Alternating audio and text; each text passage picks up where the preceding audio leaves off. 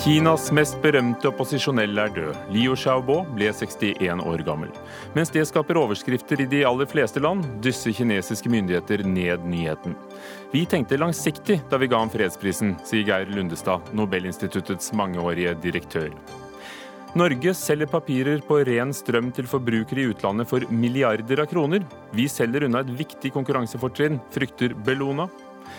Norske barn kan ikke sysselsette seg lenger ifølge en professor, som oppfordrer voksne til å la barna kjede seg i ferien. Det kan gjøre dem mer kreative, og voksne kan få det morsommere.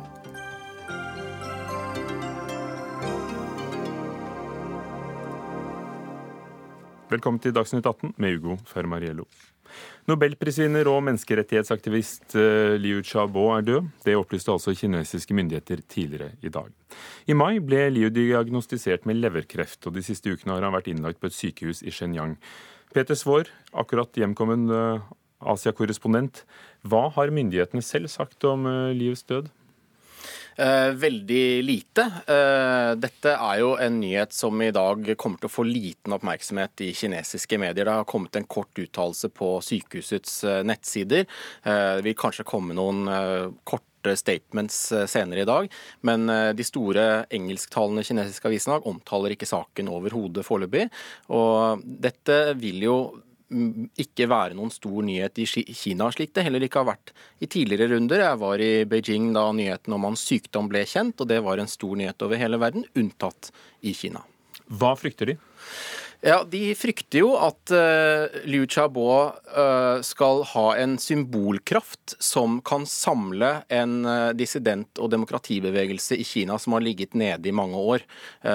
og at hans sykdom og nå hans død skal på en måte At han skal kunne bli en martyr som skal kunne gi ny kraft eh, til den bevegelsen. Og Dette var jo på mange måter det dilemmaet de sto overfor da, det, da, de skjønte at han var så syk. Skulle de eh, la ham dø i fangenskap, slik som det har skjedd i dag? Det ville gitt dem noen veldig ubehagelige paralleller til Nazi-Tyskland og Karl von Ossietzky, som er den andre fredsprisvinneren som dør i fangenskap. Det skjedde i 1938. Eh, det andre alternativet ville vært å la ham reise ut og få behandling i Vesten. Han ønsket selv å reise til Tyskland.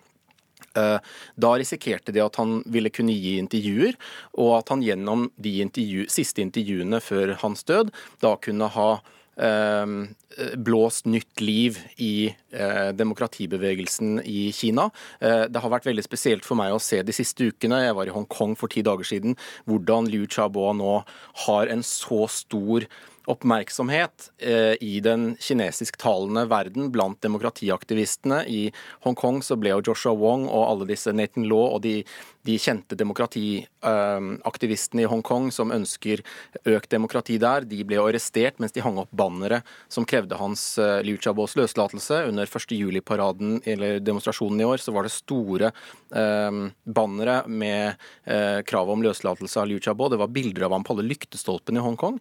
Det samme er det nå på Taiwan, i den delen av den kinesiskspråklige verden hvor eh, det er mulighet til å ytre seg fritt, så eh, er mange veldig opptatt av Lius skjebne. Geir Lundestad, tidligere direktør på Nobelinstituttet gjennom 25 år, eh, også da i 2010, da dere ga Nobelprisen, Nobelkomiteen ga prisen til Liu Xiaobo. Da satt han allerede i fengsel. Var det noe av det dere ville? Gjøre ham til et symbol for den kinesiske demokratibevegelsen? Vel, Han var jo allerede blitt det i betydelig grad. Ikke minst at han fikk denne strenge straffen eh, av de kinesiske myndighetene. Den kinesiske dissidentbevegelsen var jo veldig oppflisa. Men vi opplevde jo det at når da komiteen sa at prisen i 2010 skulle gå til Liu Xiaobo, så fikk han jo bred oppslutning. Det var veldig få eh, av de mange kinesiske dissidentene i innland og utland eh, som reserverte seg mot denne avgjørelsen. Hvilke tanker gjorde dere dere? For i boken 'Fredens sekretær', som kom for et par år siden, så, så skriver det at det ikke var noen vanskelig avgjørelse, men, men, samtidig så var det jo en overveielse hvorvidt dette ville gjøre hans situasjon vanskeligere? Ja, altså Nobelkomiteen hadde jo gitt flere fredspriser til, disse, til menneskerettighetsrepresentanter i mindre land. Aung San Suu Kyi, uh, Iran er jo ikke noe mindre land, men Shirin Ebadi Så det, det bredte seg vel en slags følelse av at man kunne ikke gi fripass til Kina. Man måtte nærme seg dette store spørsmålet om Kina og menneskerettighetene. Og da kom jo komiteen til den avgjørelsen at man, man måtte finne fram til den riktige kinesiske dissidenten. Komiteen var selvfølgelig fullt innforstått med at dette kunne ha negative virkninger, i hvert fall på kort sikt. Men man visste jo at Leo Chabot og miljøet rundt ham de var jo sterkt interessert i fredsprisen. Og ingen var jo bedre kvalifisert enn de til å, til å gjøre en vurdering av hva de kortsiktige hva resultatene av en fredspris til Liu Xiaobo eh, ville bli. Komiteen ser jo dette i et langsiktig perspektiv. Det er jo fullstendig urealistisk å forvente dramatiske endringer til det positive i Kina. Men bare som et eksempel på hvor lang tid ting kunne ta. Det tok 21 år før Aung San Suu Kyi eh, kom til Norge da, eh, etter at hun hadde fått fredsprisen i 1991.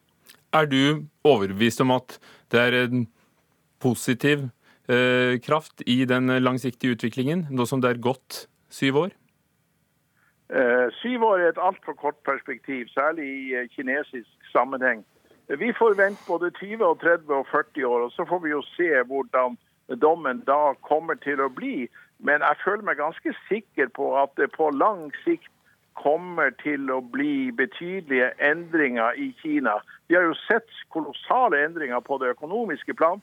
Og jeg tror nok også at på lang sikt så vil regimet også måtte gjennomgå noen eh, politiske endringer. Det er simpelthen ikke akseptabelt at alle avgjørelser eh, fattes av et parti som jo i, sto, i det lange historiske perspektiv eh, har foretatt mange meget tvilsomme avgjørelser. Henning Kristoffersen, du er en av dem som har sett disse endringene. Du har fulgt med på Kina og Kinas spørsmål i 25 år som sosialantropolog, bl.a. arbeidet for Det Norske Veritas i Kina, og akkurat nå befinner du deg i Beijing og er eh, selvstendig forfatter. Hva, hva får du, når, hvis du hadde vært kineser i dag i Beijing, fått vite om eh, Liu Xiaobos død? Nei, det er eh, ikke mye. Jeg, eh, jeg får, hvis jeg, hvis jeg, er veldig interessert, så klarer jeg å finne en, eh, en offisiell partiside i, fra Shenyang, altså der fengselet Nei, jeg holdt på å si der, der sykehuset til Liu Xiaobo er. Han, og den sier at mann 61, dømt til fengsel for å oppfordre til undergraving av statsmakten 31.12.2009, dømt til 11 års fengsel. Ehm, det ble oppdaget eh, i det siste alvorlig uhelbredelig kreft. Han fikk god, adekvat behandling, eh, men ehm, eh, døde. Det er, det, er den, det er, det du klarer å finne nå, så vidt jeg kan forstå, i hvert fall, i Kina. Og beskjeden til det internasjonale samfunn er vel en tredjedel av det igjen, tenker jeg. Er det sannsynlig at hans støttespillere, sympatisører, vil kunne ytre seg offentlig? At de vil tørre det?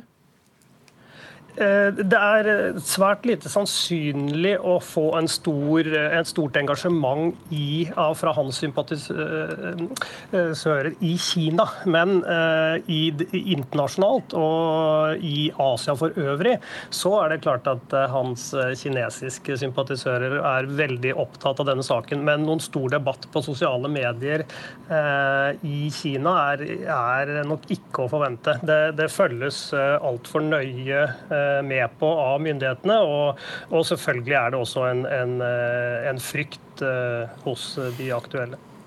Ja, det, det, er jo, eh, det, er jo, veldig lite omtale av dette i Kina, som Christoffersen sier. og Det er jo det som av og til kan oppleves litt underlig når man skal dekke denne saken derfra, hvor, hvor, hvor lite oppmerksomhet det er om det. Men det er enkelte stemmer. Hu Jia f.eks., som har vært en venn av Liu Xiaobo gjennom mange år, har vi intervjuet flere ganger. og Han har vært inn og ut av husarrest nå de siste ukene. Han fortalte meg at han ble satt i husarrest senest for en ukes tid siden, men han er jo blant de som fortsatt tør å ytre seg. Han mener jo selv at han får en viss beskyttelse gjennom å selv ha vært nominert til fredsprisen. Ellers så har det jo vært spesielt å følge dette litt uverdige propagandaspillet som vi har sett nå siden Liu Xiaobo ble syk. Husk at alle de bildene vi har sett av Liu, både fra fengselet først, der, hvor han blir undersøkt, og deretter fra sykehuset, senest med de to utenlandske legene, en tysk og en amerikansk nå i helgen, ingen av disse bildene uh, er tatt med hans uh, godkjennelse. Dette er propaganda. Det er bilder kinesiske myndigheter har lagt ut av to grunner. De ønsker å vise at han har fått tilgang til sin familie, og de har ønsket å demonstrere at han får uh, den best tenkelige helsehjelp, fordi de jo vet at dette ikke ser bra ut i det internasjonale samfunnet. De, de får en, en PR-smell av dette, og de prøver å gjøre den så liten som mulig. For mens både Frankrike, USA og Tyskland ville tilby ham behandling, eh, som han ikke fikk, eh, så fikk han derimot eh, lov til å få besøk av spesialister fra nettopp USA og, og Tyskland. Eh, hvordan er det blitt brukt? Ja, det uh, var veldig spesielt å være vitne til. fordi kineserne, Det har jo vært en strid om hvor syk han var, og om han kunne flyttes utenlands. Og uh, Kinesiske myndigheter hevdet da at han var for syk til å bli evakuert, og at han måtte få behandling der. Og de sa flere ganger at nå var tilstanden hans blitt verre og verre og verre. Mens uh, senest da på søndag så sa jo de tyske legene, eller den tyske legen som var og så ham, i en uttalelse at han var frisk nok til en medisinsk evakuering, og at de kunne få det til dersom kinesiske myndigheter tillot det. Og Tyske myndigheter har også vært rasende, eh, lagt ut en rasende melding, eller en opprørt melding, vil jeg si, eh, mot denne lekkasjene av bilder fra disse sykebesøkene som kinesiske myndigheter har stått for. Geir Lundestad, som, eh, som sekretær i komiteen den gangen og direktør på Nobelinstituttet. Kan du minne oss på hvorfor fikk han prisen? Han hadde skrevet dette Charter 08, inspirert av tsjekkoslovakiske opposisjonen på 50-tallet. Jo, Bakgrunnen var jo den som jeg nevnte, at uh, Nobelkomiteen var jo blitt mer og mer interessert i menneskerettigheter. Og den hadde valgt ut representanter for menneskerettigheter i Burma og Iran og mange andre steder. Uh, og Spørsmålet meldte seg jo da hva gjør komiteen med menneskerettighetene i Kina? Og Noen sa at nei, vi gjør ingenting med menneskerettighetene i Kina fordi at uh, situasjonen i Kina går i riktig retning. Mens eh, mange andre var opptatt av at vi kan jo ikke behandle Kina eh, forskjellig fra andre. Menneskerettighetene er universelle, de angår også kineserne. Men... Og etter å ha tygd på dette spørsmålet i en del år, så kom jo da komiteen til den konklusjonen at nei, det kan ikke gjøres noe unntak for Kina. Og så brukte man jo mye tid på å finne ut hvem var den riktige dissident. Og eh, der, det spørsmålet løste jo på mange måter de kinesiske myndighetene for komiteen ved at han fikk denne strenge straffen, som jo da bidro til at hans posisjon i det kinesiske dissidentmiljøet ble mye eh, sterkere. La meg først si, også si når jeg først har ordet, at den kinesiske reaksjonen, altså helt fra 2010 til i dag, kan jo på mange måter ses på som en reaksjon prega av frykt, redsel for hva de langsiktige konsekvensene eh, kunne bli, og at Liu Xiaobo eh, på, på, litt lengre sikt kunne bli en veldig viktig person, og kanskje under de nåværende omstendigheter en, en, slags martyr. da. Det, det Lundestad, er jo da din karakteristikk av de, den kinesiske reaksjonen. Hvordan vil du karakterisere den norske reaksjonen, Berit Reiss-Andersen, som i dag er eh, leder av Nobelkomiteen, har fordømt den politiske tausheten fra den norske eh, regjeringen, og mener at land, og også andre vestlige land som holder demokrati og ytringsfrihet høyt, også burde vært skarpere overfor kinesiske myndigheter. Hva vil du si? Jeg vil si at Vi ser jo nå reaksjonene av den forståelsen som Norge og Kina kom fram til i fjor høst. Det står jo en passus der om at Norge skal respektere de kinesiske kjerneinteressene. Og dette eh, oppfattes jo som en kinesisk eh, kjerneinteresse. Vi får jo håpe at den norske regjering etter hvert utvikler en forståelse som gjør det mulig å ta opp menneskerettighetsspørsmål med kineserne. Det kan jo ikke bare være et eh, forhold om økonomi og overordna strategi. Petter Svaar, hva slags grav vil Liu Xiaobo få? Ja, Det blir også et veldig interessant og for kinesiske myndigheter vanskelig spørsmål. Eh, skal han gravlegges og få et gravsted, så vil de jo frykte at det også vil få en symbolkraft eh, og en symbolverdi, at det vil være noe som hans tilhengere vil kunne samle seg rundt og valfarte til. Eh, så dette er rett og slett en nøtt for kinesiske myndigheter nå. Hvordan skal de på en måte kvitte seg med, med Liu Xiaobo? Hans kone har jo sittet i husarrest. Du har besøkt huset hennes. Det er en vaktpost utenfor til enhver tid. Nå eh, har både tyske, amerikanske eh, og andre lands myndigheter tatt til orde for at hun må få større frihet. Hvilke forhåpninger kan, kan, disse statslederne gjøre seg når de, når de, spør om noe sånt? Nei, Det er jo også vanskelig å, å, å, forutse. Men eh, hun har jo sittet i husarrest og fått gradvis mindre bevegelsesfrihet siden ektemannen da ble fengslet i 2008 og dømt i 2009. Og hun er jo ikke dømt selv for å ha gjort noe ulovlig. Hun sa selv en gang at hun aldri har vært eh, så interessert i politikk, men når hun eh, ble sammen med en mann som Liu, så ble politikken interessert i henne. Og det er jo helt sant sant. Eh, og hun har sittet i, eh, i husarrest under streng bevoktning. Eh, og spørsmålet om hun får reise ut, det, det får vi vente og se, men er Jeg tviler på det. Takk skal dere ha, alle sammen. Peter Svaar, NRKs Asia-korrespondent, Henning Christoffersen, forfatter fra Kina, og Geir Lundestad, tidligere direktør for Nobelinstituttet. Dagsnytt 18 alle hverdager kl 18.00 på NRK P2 og NRK2.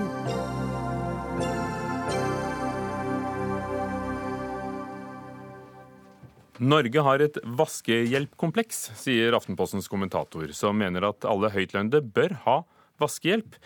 NRK kunne i dag fortelle at NHO, næringslivets hovedorganisasjon, vil forby privatpersoner å kjøpe vasketjenester fra bedrifter som ikke er offentlig godkjent, og, og målet er å få færre til å kjøpe vasketjenester svart. Men kommentator i Aftenposten Frank Lynum, eh, hvorfor bør de fleste som kan, ha vaskehjelp?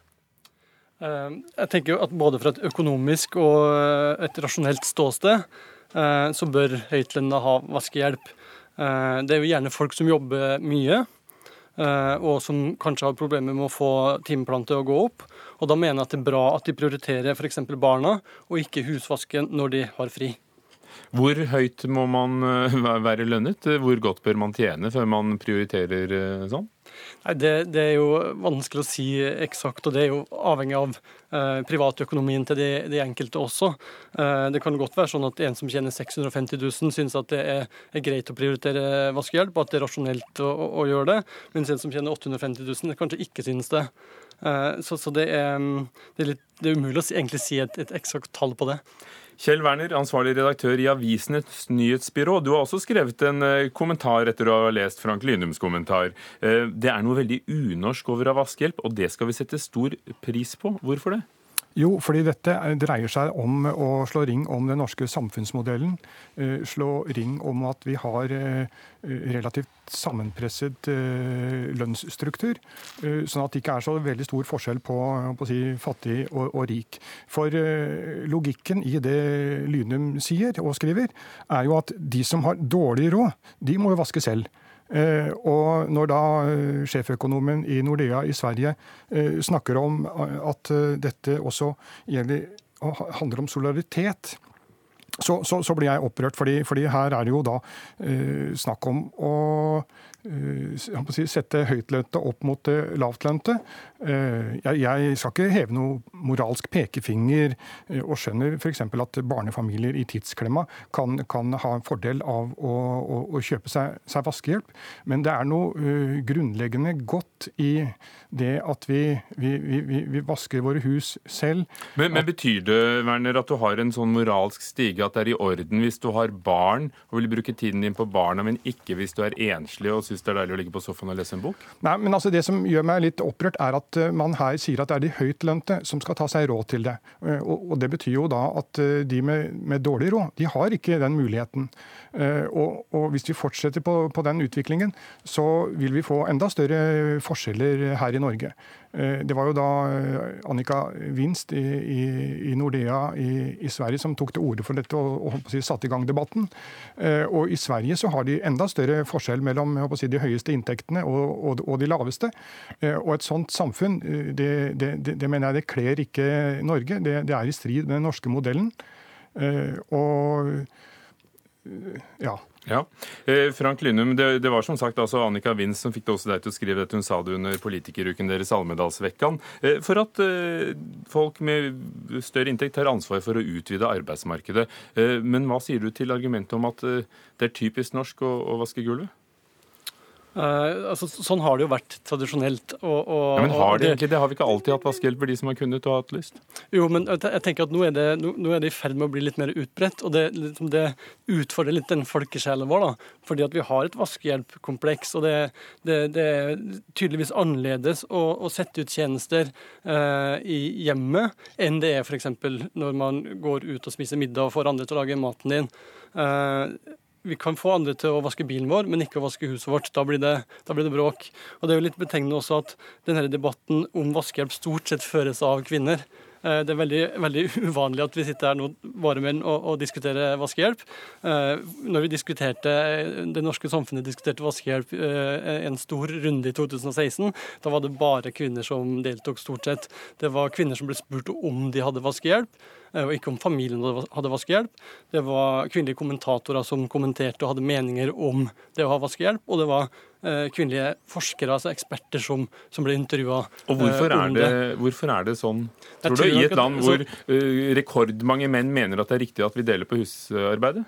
Jeg tror det er fordi at det her tradisjonelt sett da er Eh, et, et, et, et ulønna yrke, en kvinnejobb i hjemmet, eh, som gjør at, at, eh, at det blir annerledes å sette ut husvasken enn bilvasken, for å si det sånn.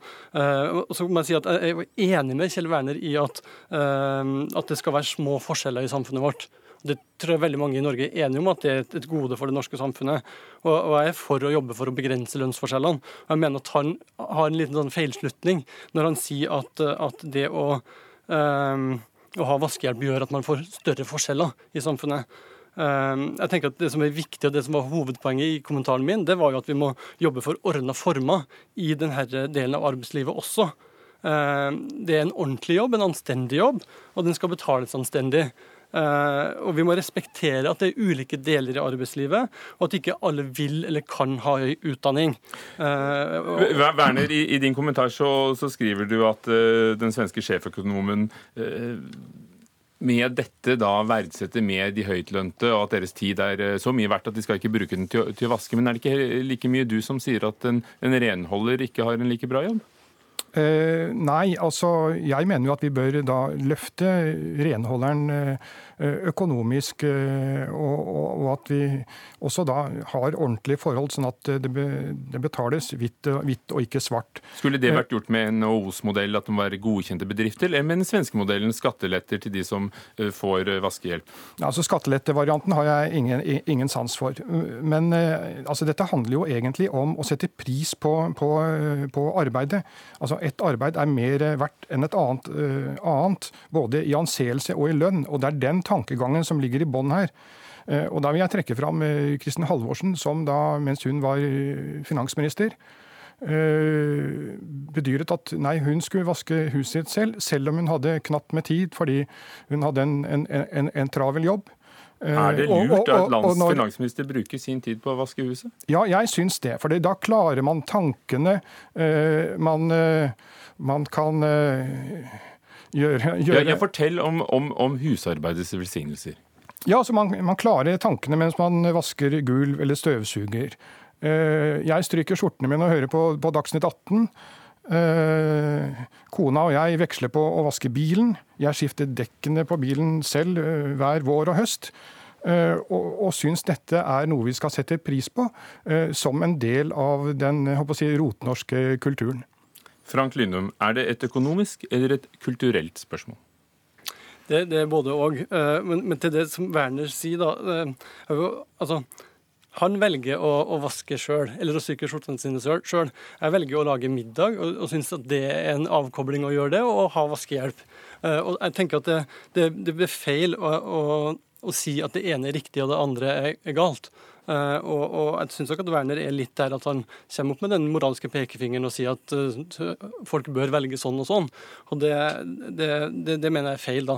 Vi skal, ikke, vi skal ikke være moralsk overfor verken de som er høytlønte eller lavtlønte, eller de som ikke allerede har vaskehjelp, tenker jeg. Men hvordan skulle vi fått ordnede former i denne delen av økonomien? For Nei, jeg... det, er vel ingen hemmelighet ifølge statistikkene fra NHO og andre at her foregår det mye svart arbeid? Ja.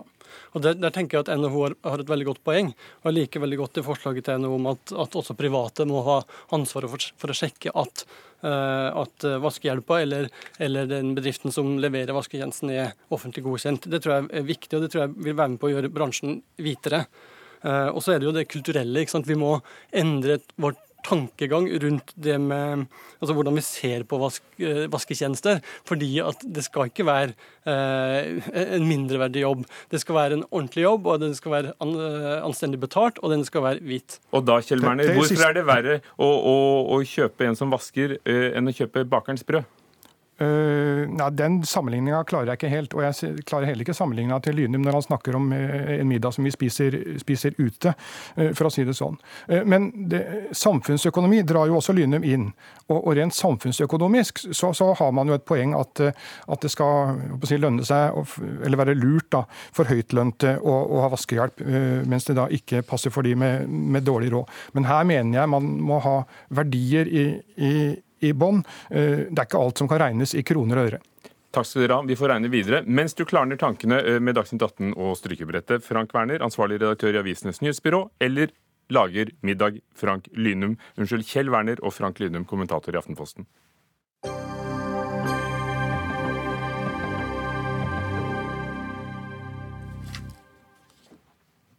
Siden 2007 har norske kraftselskaper solgt opprinnelsesgarantier for 2,8 milliarder kroner til sammen. Miljøstiftelsen Bellona syns vi kaster bort et konkurransefortrinn ved å selge denne betegnelsen ren strøm til utlandet. Og først og fremst er det nemlig utlendinger som kjøper disse sertifikatene, særlig miljøbevisste tyskere som ønsker å betale ekstra for å vite at strømmen er ren. Men hvor ren er egentlig strømmen kundene får når de kjøper seg en opprinnelsesgaranti. Jon Olaf Olaussen, professor i samfunnsøkonomi ved NTNU Handelshøyskolen eh, i Trondheim. Eh, du har nettopp miljøøkonomi som ditt spesialfelt. Eh, skal vi begynne der? Hva er opprinnelsesgarantien? Ja, Opprinnelsesgarantien er jo en ordning vi har på en måte adoptert fra EU, da, eller gjennom EUs fornybar energi. Vi ble med fra 2006, og har da solgt gjennom denne ordninga opprinnelsesgarantier. Altså norske strømprodusenter har solgt opprinnelsesgaranti til norsk fornybar kraft, hovedsakelig vannkraft, til hovedsakelig utlendinger. Altså, det kan jo kanskje virke som en litt sånn underlig og kunstig ordning, siden det er faktisk er vannkraft vi har stort sett i stikkontakten. Men det er altså årsaken at det her skapes et, et skille mellom strøm i stikkontakten vår og den miljømessige fordelen med norsk eh, fornybar kraftproduksjon. Tror en tysk kunde at når de kjøper seg et miljøsertifikat, så, så får de strøm fra et norsk vannkraftverk? Det skal jeg kanskje ikke påstå at de gjør, men eh, enkelte som har vært intervjua, har i hvert fall gitt inntrykk av det. Og på en måte så har de rett òg, for de har, de, har, de har, kjøpt seg et bevis på at det finnes en da Altså alt uh, krafta de bruker, finnes det da et motsvar i norsk fornybar uh, kraftproduksjon. Og den kan jo bare selges én gang, sant? Så folk reserverer altså en andel av den store kraftkaken som mates inn på det europeiske strømnettet, og sier at jeg har kjøpt den som er grønn, laget f.eks. i Norge, eller noen vindmøller i Tyskland. Men det betyr jo at, at, den vi får i Norge, selv om den kommer fra vannkraftverket, siden vi stort sett ikke importerer strøm, likevel får betegnelsen pussig nok som 64% laget av kullkraftverk, noen og 20% fra atomkraftverk, på papiret. Ja, fordi at vi stort sett i Norge da ikke kjøper de her Det er ca. 15-20% som eh, kjøpes i Norge av de her opprinnelsesgarantiene, men hovedsakelig selges det til ja, hovedsakelig tyskere. Det var de som er mest ivrige på å kjøpe det her. Så. Oluf eh, Ulseth, administrerende direktør i Energi Norge. Det er dere som uh, samler alle strømleverandører og, strømselgere i, i, Norge. Hvorfor tror du ikke norske kunder er mer interessert i opprinnelsesgarantier? Jeg synes jo først og fremst Dette er jo en gladsak om norsk verdiskaping. Det er nesten 3 milliarder kroner over disse årene i inntekter som, uh, som får innlederski primært fra det tyske markedet. Det er jo utrolig fine inntekter for det norske samfunnet, og selvfølgelig for norske kraftprodusenter. Um, vi eh, registrerer jo at flere norske kunder ønsker å kjøpe opprinnelsesgarantier, men fortsatt så eh, er det som det ble sagt, størstedelen av disse garantiene går i dag til andre europeiske markeder. Kan det være at eh, norske kunder ikke er dumme, og de vet at den strømmen de bruker allikevel faktisk kommer fra vannkraftverkene dine? Det er klart, strøm som produkt har den om du vil, utfordring at et skille mellom det fysiske du får i veggen, og som vi ikke kan fortelle akkurat hvor kommer fra, og den finansielle transaksjonen, eller det kjøpet av strøm. Uh, og Det er jo det skillet også opprinnelsesgarantiene om du vil, bygger på. Uh, men dette gir jo forbrukerne mer makt, og det gir produsenter av fornybar energi en ekstra inntekt. Uh, og, Sånn sett er det jo en, en europeisk ordning som nå er Eh, under utvikling. Og eh, I Brussel nå er det en pågående diskusjon og nye forslag om hvordan å forbedre ordningen. Det, det tror vi, der tror vi det er mange gode forslag. og eh, også norske myndigheter har en gjennomgang nå på hvordan dette skal se ut fra 2020. Ellen Wiseth, politisk rådgiver i Bellona. Dere mener dette er en problematisk ordning, har tatt til orde for at ikke disse sertifikatene bør selges til utlandet. Hva er problemet? Her er det altså skapt 2,8 milliarder kroner i verdier eh, i, i løpet av ti år av, av, nærmest ikke å, å gjøre noe annet enn å, å, å, lage sertifikater? Ja, og det er jo en del av problemet. Det er at eh, det eneste de tyskerne får, det er et papir der det står at strømmen er grønn, mens den grønne strømmen fortsatt blir brukt i Norge. Eh, det var en professor i Dagens Næringsliv i dag som sa at Norge selger først kaka, og så spiser vi den sjøl etterpå. Eh, så en, Det er jo én ting at, at, vi lurer de forbrukerne i Tyskland og Nederland og dem som kjøper der. Men så har du også miljøproblem. Eh, og det er at eh, pengene fra denne ordninga, eller altså de garantiene her garanterer ikke at det blir bygd ut mer ren energi. Den går til den energien som allerede blir produsert, og som vi i Norge, da vi lager vannkraft, har gjort i over 100 år. Men det gjør at det blir mer lønnsomt å lage ren Eh, vannkraft, fordi du kan selge både strømmen til markedspris for strøm, og i tillegg kan du opp, eh, selge opprinnelsesgarantien. Så det vil jo lønne seg mer å satse på fornybar kraft. Det er selvfølgelig lønnsomt å, å selge strømmen to ganger, eh, men det er ikke spesielt eh, gunstig likevel, fordi at da eh, selger vi også det grønnheten vår. Eh, og den eh, vil vi gjerne beholde i Norge, fordi det er her den grønne strømmen er. Og norsk industri eh, vil gjerne ha den i Norge fordi de faktisk bruker den. Sånn at nå ser vi det kommer pressemeldinger stadig vekk om industribedrifter og datasenter som bruker masse strøm, som etablerer seg f.eks. i Tyskland og skriver at vi er fullstendig klimavennlige fordi vi kjører på ren strøm fra Norge. Ulseth, det høres jo paradoksalt ut, men hva vil du si, lurer dere kundene ved å selge den samme strømmen to ganger? Nei, altså det, synes, det, For det første, vi lurer jo ingen. Dette er jo en frivillig ordning som det er da opp til kundene selv om de velger å kjøpe. Om de bor i Tyskland eller Norge eller andre steder. Uh, og, og, Med det utgangspunktet så kan du ikke si at du lurer noen. Og det er heller ikke sånn at og der forsvant du litt. Eh, spol tilbake litt, er du snill. Du sier at dere ikke altså, lurer noen. Vi, vi lurer ingen, og dette er en frivillig ordning som kundene velger selv om de vil kjøpe dette. Og fornybare egenskapen ved strømmen kan bare selges én gang. Det er helt klart. Og det gjør jo at hvis du vil dokumentere at du bruker fornybar energi i Norge, ja da må du kjøpe en opprinnelsesgaranti. Og så langt har dette markedet vært mer utviklet i andre land. Og som sagt med fantastiske eksportinntekter over denne tiårsperioden, eh, som jo har bidratt til grønn verdiskaping. Og eh, det er jo også sånn at eh, til spørsmålet om dette går, ikke går til ny fornybar energi, altså til ny, ny produksjon, så er det jo i dette markedet ulike priser for ulike typer produsenter. Og for, opprinnelsesgaranti fra nye prosjekter vil ofte få noe bedre betalt enn de med eksisterende og gammel produksjon. Så dette er et marked eh, i utvikling. Og hvor eh, jo det gir inntekter til de som både produserer og utvikler fornybar energi. Men, men kunne det tenkes, Ulseth, at, at denne dette sertifikatet for renhet fulgte den faktiske eksporten av strømmen. Eh, og fikk, så fikk heller strømmen bli litt dyrere i Norge da, fordi vi faktisk har den eh, laget fra vannkraft.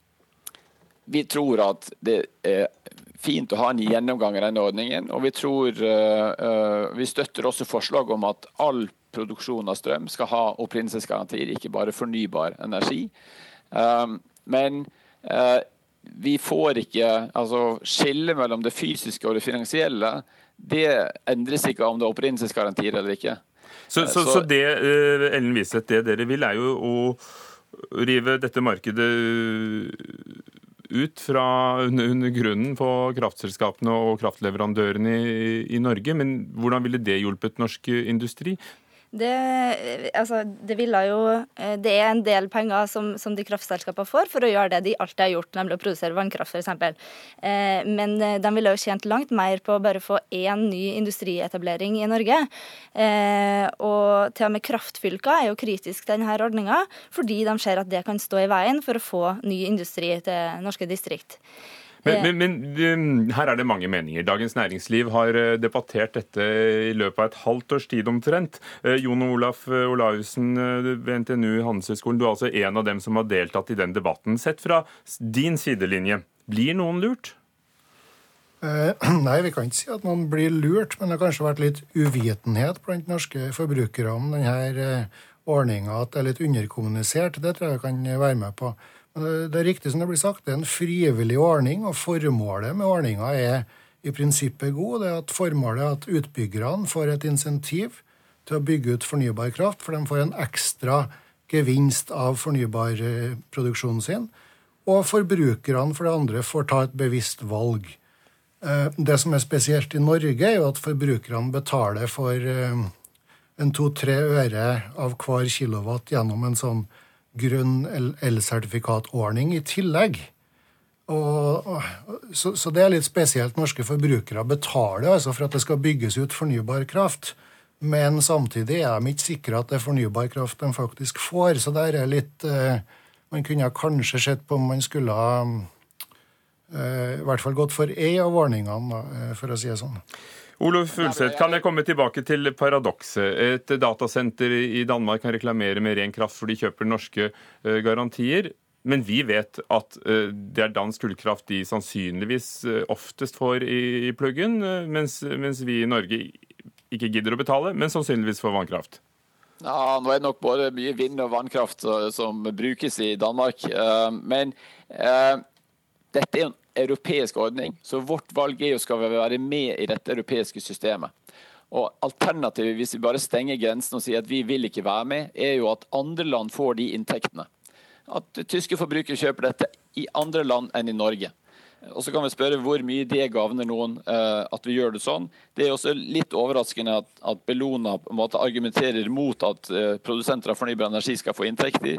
Men jeg har lyst til å påpeke at når det gjelder kraftindustrien, så sent som i fjor med gjennomgang av energimeldingen i Stortinget, så ble det fastslått at Norge har kanskje de mest attraktive rammebetingelsene når det gjelder kraftindustrien i Europa, og kanskje nest best, eller iallfall topp tre i verden. Så det er ekstremt attraktivt både for datasentre og for industrien å etablere seg i Norge. Eh, det er mange grunner til det. Eh, høy forsyningssikkerhet, god tilgang, rimelige priser. Eh, mange, mange egenskaper. Så det er mange gode grunner til at kraftkrevende industri både kan trives og utvikles. Og vi støtter selvfølgelig og heier på de prosjektene både på datasentre på industri.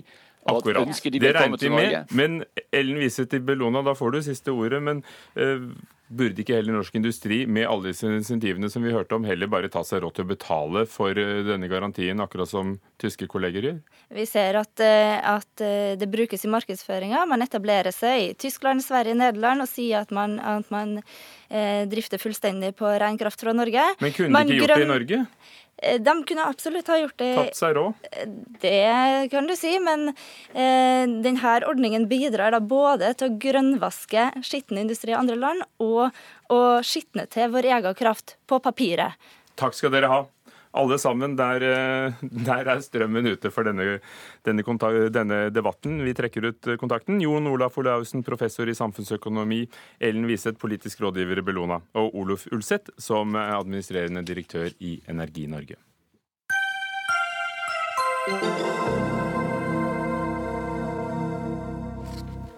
Det er ferietid for mange, men eh, vi skal eh, aller først snakke om tiltak for eh, ledighet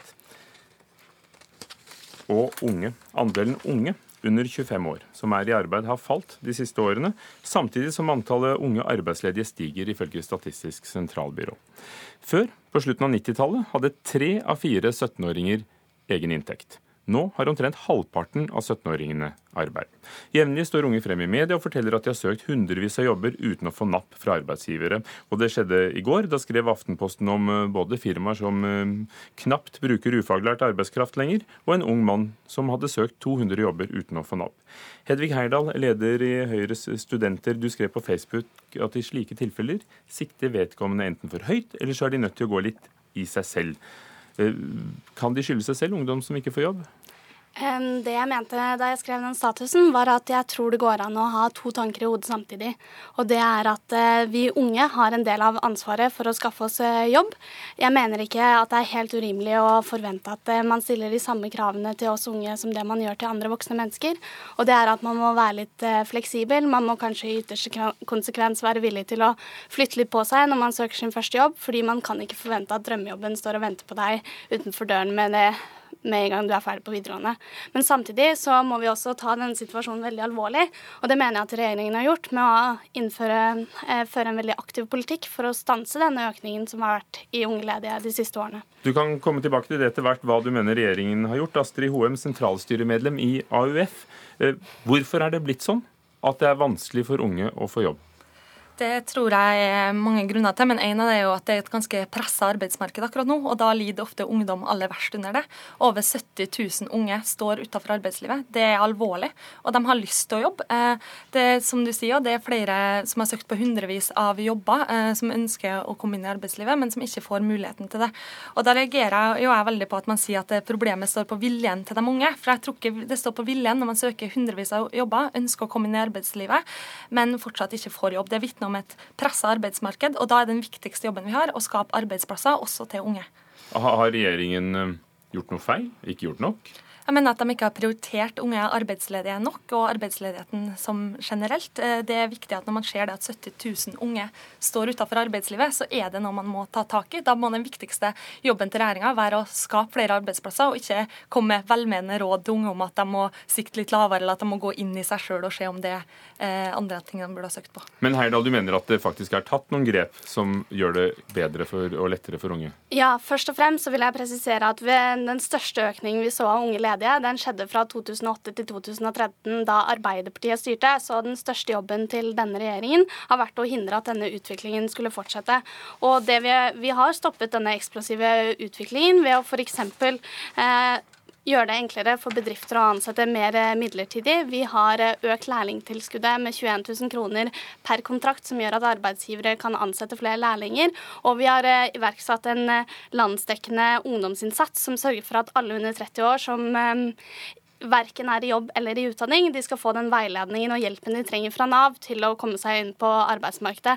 Alt dette er konkrete tiltak som sørger for at unge får eh, mulighet til å få seg litt erfaring, til å få seg en fot innenfor arbeidsmarkedet, som gjør at du kan eh, komme deg videre i arbeidsmarkedet.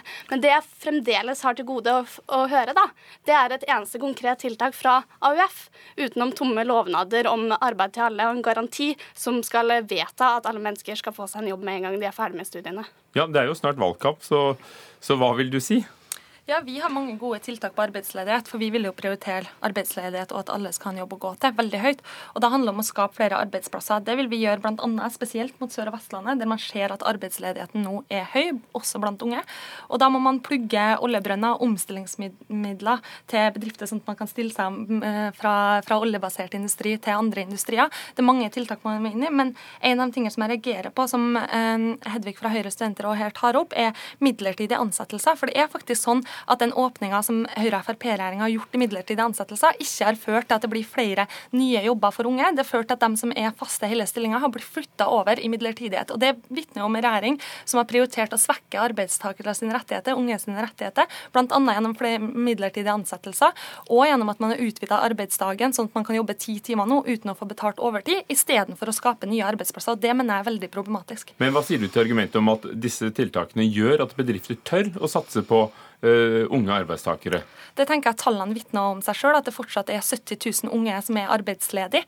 Uh, og når man snakker om unge arbeidsledige på en måte som at de ikke har viljen eller må gå inn i seg sjøl, så viser det òg at det er kanskje hovedprioriteten til regjeringa å gi velmenende råd over å komme konkret til. For hvorfor er det tallet fortsatt 70 000? Men her mener jeg at det må gå an å ha to tanker i hodet samtidig. fordi at vi ser faktisk fra spørreundersøkelser fra AKU at halvparten av de som blir ansatt midlertidig, de får seg fast jobb i løpet av ett år. Ett eller to år. Og da mener jeg faktisk at eh, Jeg tror faktisk at AUF vært, er enig med meg i at én eh, midlertidig stilling og litt erfaring, det er bedre enn ingen, ingen stilling og ingen erfaring. Um, nå er det sånn at Hvis vi ser på, på, grafene, nå kan jo tall brukes på forskjellig måte, men så går oljeprisen ned eh, og arbeidsledigheten opp, og det speiler hverandre. Eh, og, og er det ikke sånn da at finanskrise, oljebrems, eh, digitalisering av arbeidslivet og forretningslivet, det er faktorer som er der? De er der i alle land. Kan regjeringen stilles til ansvar for det? Jeg kommer jo selv fra Kristiansund på Nordvestlandet, og vi har jo virkelig opplevd oljekrisa og arbeidsledigheten tett på. Det er jo mange familier som får økt utrygghet fordi at man eh, mister en i familien, mister jobben.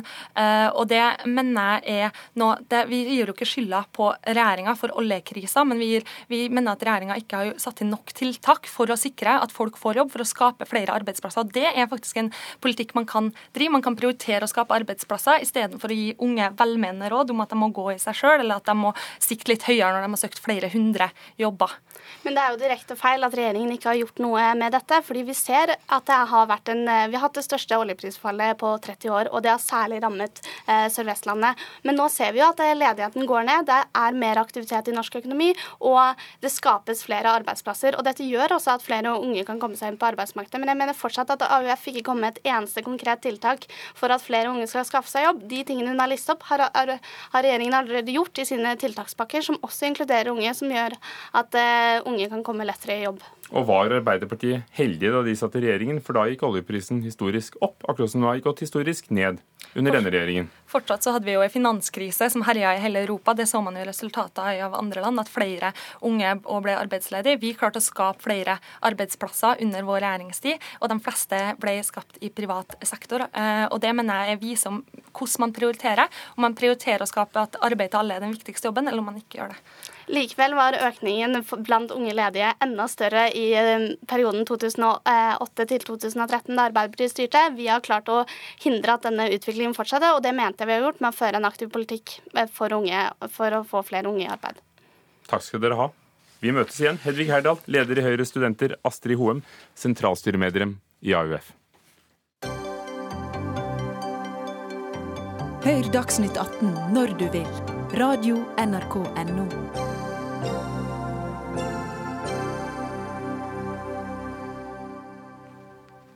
Mange organiserer ferien sin slik at eh, de skal være barnevennlig med aktiviteter stort sett hele tiden. Men om barna er i fokus hele tiden, så er det kanskje en dårlig idé. Det sa du i et intervju i Aftenposten i 2014. May-Britt Drugli, professor ved Regionalt kunnskapssenter for barn og unge ved NTNU i Trondheim. Og denne artikkelen du skrev den gangen, den har fått en ny vår på sosiale medier og er eh, like aktuell i dag som for tre år siden. Eh, hvorfor bør vi ikke ha barna i fokus hele tiden? Nei, si det. Jeg tror det i hvert fall er like aktuelt i dag som det var i 2014. Eh, først er det jo å si at dagens foreldre er svært gode foreldre, og forskning viser at aldri har foreldre tilbringt mer tid sammen med barna sine eller hatt mer respekt for barnas behov. Eh, men nå har vi antagelig kommet dit at for i hvert fall en gruppe foreldre eh, her i landet så kan det hende at dette som er bra for barn, det tipper rett og slett litt over og blir litt for mye av det gode, særlig kanskje i ferien. Hmm. Eh, har vi for mye eh, respekt for barna? det blir kanskje litt feil respekt hvis man tenker at eh, det å ha ferie sammen som familie skal handle om at man skal gjøre ting som er på barnas premisser hele tiden. Fordi at barn de trenger jo altså For det første blir det veldig slitsomt for foreldre, så du kan risikere å få ganske sure og slitne foreldre på slutten av ferien. Men hvis barna venner seg til at man bare skal gjøre den såkalte barnevennlige ting, så gjør man nok dem også en bjørnetjeneste. De kan bli stressa, kavete, det blir travelt. Eh, det blir tidsklemme også i ferien, og de kan bli fryktelig kravstore fordi at de bare venner seg til at eh, foreldrene skal dra dem rundt på nye ting som underholder dem. Og så vet vi at barn De trenger først og fremst å føle seg elsket og trygge, og deretter trengs de å utfordres litt på kanskje også å måtte finne på ting selv og kjede seg litt og være nødt til å bruke sin egen kreativitet. Det gjør dem mye mer robuste enn å bare bli underholdt. Peter Kielmann, er du med oss? Jeg er med, vet du. For mange er du kjent som mannen bak bloggen Pappahjerte, og du befinner deg akkurat nå på ferie. Hvilket program har du lagt opp til? Altså ferie og ferie. I dag har vi ryddet og preppa for maling eh, på det ene soverommet i stort sett hele dag, mens barna har gjort ikke så mye annet enn å kjede seg. Og vi har hatt en helt fantastisk dag. Fordi Vi tenkte før sommerferien at ok, vi skal ha sommerferie hjemme. Da må vi legge opp et kjempeprogram. Det må være dyreparker, og det må være is annenhver time. og det må være liksom smekk, smekk, smekk. Men så har vi liksom nå etter hvert innsett at barna kan kose seg litt og liksom spille ballen litt over til oss også. At ikke man gjør det for barnevennlig. At de bare sitter på rumpa, som, som det ble sagt her, at de, at de blir kravstore og får liksom for mange sølvskjeer i munnen på en gang. Så liksom, i dag har vi tenkt at vi tar det litt ned og begynt å spille over til at vi må få gjort litt ting, vi også. Så kan de få lov til å eh, finne ut ting sjøl. Kjede seg litt, utforske kreativiteten. Og nå har jeg, liksom, jeg har aldri brukt så mye tid på å rydde huset som akkurat nå. Det er jo ting overalt. Det er sånne rare kombinasjoner av leker jeg aldri har sett før. Så noe har skjedd mens vi trodde at de kjeda seg. Og jeg tror de har hatt helt ball. Kristine Storli Henningsen, eh, forfatter og også blogger. Eh, din blogg heter Antisupermamma, og du har også ferie med barn akkurat nå. Eh, bortsett fra at du sitter her, hva, hva gjør dere? Mm, jeg vet ikke hva jeg vil kalle det ferie. jo da, det er en form for, eh, for, eh, ferie. Mine unger kjeder seg, de har det ikke helt topp. Altså, de, de koser seg, men de er jo også vant til en veldig organisert uh, hverdag, og at det skjer mye. Uh, så vi har fått litt sånn Har vi en bil, kan vi reise noe sted, kan vi gjøre noe? Uh, og så har vi også innført skjermnekt. den måtte vi rett og slett bare Ja, det måtte vi spise litt i oss, så det har blitt litt skjerm likevel.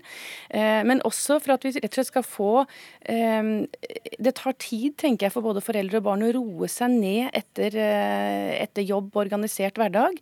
Og rett og slett komme ned. Og det tror jeg man må akseptere at det tar tid for ungene også, at de er litt rastløse i begynnelsen. Du tar til orde for en mindre organisert ferie, men hvorfor ikke en mindre organisert hverdag? Ungene har jo ikke fri lenger.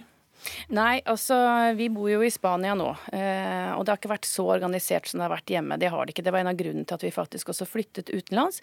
Men jeg merker jo likevel at det blir mye skolearbeid, de skal på fotball, eh, de skal sånn og sånn. Så uansett på hvilket eh, punkt vi prøver å ta det ned, så vil det alltid bli en del likevel, tenker jeg. Middag skal lages og alt dette her.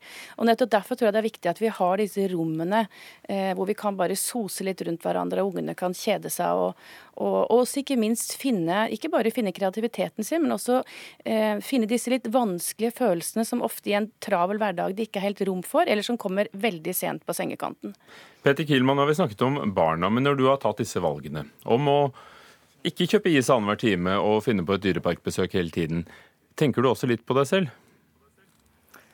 Uh, ja, men jeg på en måte må gå litt i den derre ikke for, for barnete foreldrehverdagen. Som den generasjonen vår da, er kanskje litt for opptatt med at alt skal være litt for tilrettelagt hele tiden. Så jeg tror det kan være greit at man også husker den der å sette seg ned med avisa. Akkurat nå skal ikke pappa være med, for nå skal han gjøre voksenting. Altså at man ikke hele tiden skal ja, til Dyreparken mens man gjør syv andre barnevennlige ting. på en måte. May-Britt Drugli, eh, ja, jeg skal komme tilbake til deg, men May-Britt Drugli som pedagog. Når gikk det fra at barn skulle ses, men ikke høres, til at de fikk alt fokus? Det har jo gått gradvis gjennom de, de to-tre siste generasjonene, det, og nå er de jo veldig, veldig, veldig mye i fokus.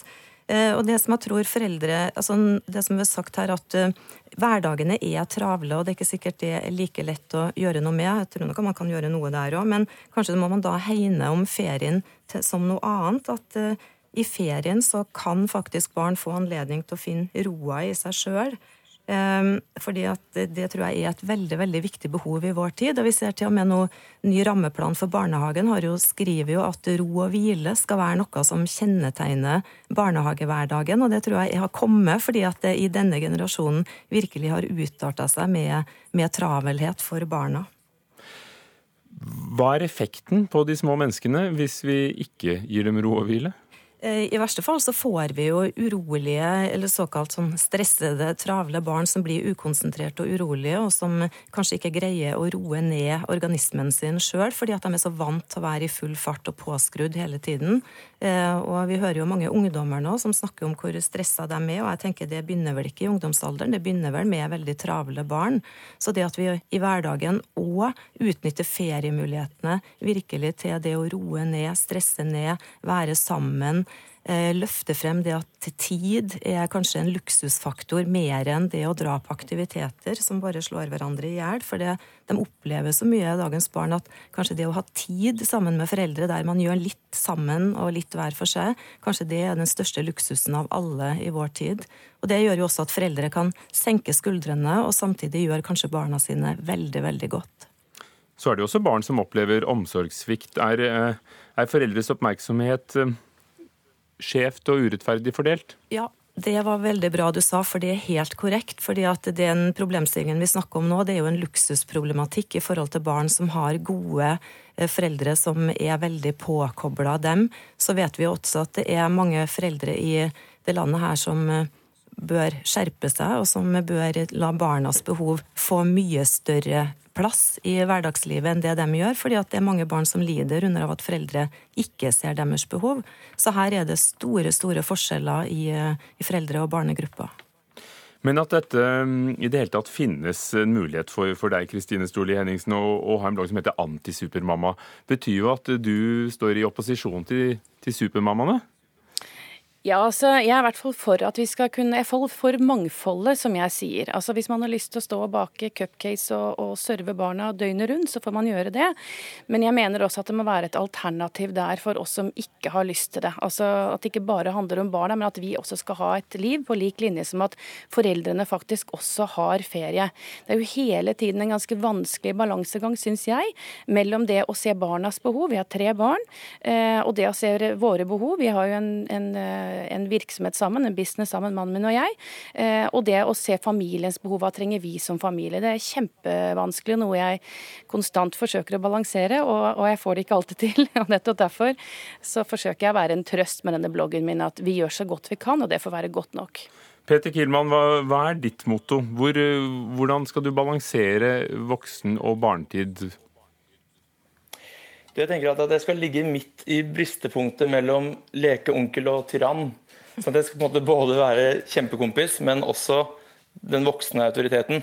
Sånn at det liksom ikke er noe tvil om det. men jeg synes liksom at i ferier så har det en litt tendens til å bikke over til at man kaster seg over at man skal være med i leken og at man skal gjøre alt. Men jeg syns det var fint det vi snakka om eh, som du nevnte her, om tid. Jeg kom til å tenke på det liksom herlig ironisk at mine beste liksom, ferieminner fra jeg var ung, det var den to dagers kjøreturen ned til Frankrike. Så man tenker sånn, å herregud, sitte stille. Jeg har prøvd å forklare det til femåringen nå at vi hadde ikke iPad på den tiden. Så aner du hva jeg gikk gjennom. Men jeg, jeg elska den tiden. Å bare kunne liksom sitte bak her og se på skyer og prate litt med mamma og pappa. Og så plutselig var man i Belgia. ikke sant? Hva er det for et rart sted? Så, sitte og liksom bare være familie sammen. Det er fantastisk. At man ikke liksom må være på håndballtrening mens man er på fotballtrening. Det går liksom an å finne et sted midt imellom. ja. Jeg vil også si det at uh, det er ikke alltid så idyllisk hos oss. Jeg synes det er litt viktig å si, ta den delen av det også, at ferie også kan være ganske krevende uh, uten skjerm, for å si det sånn. May-Britt uh, Drugli som pedagog. Skjerm, velsignelse eller forbannelse? Ja, Det er vel begge deler, men jeg tror i hvert fall at der bør jo også foreldrene være gode rollemodeller. De bør jo også legge bort skjerm og legge bort mobiler. og så Jeg har jo mye mer tro på Altså styre skjermtid også i ferien. Bruk det gjerne som barnevakt uh, lite grann. Men... For opplever et barn ro hvis de får en uh, skjerm i hånden?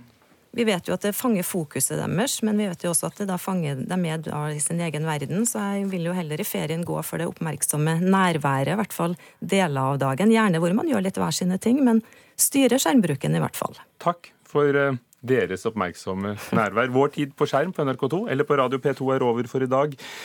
May-Britt Rugli, professor ved NTNU, Peter Kielmann, pappablogger med Pappahjerte, og Kristine Storli Henningsen, antisupermamma. Jaran Ree Michaelsen var ansvarlig for Dagsnytt 18. Erik eh, Sandbråten, teknisk ansvarlig. Ugo Fermarello, programleder. Takk for i dag.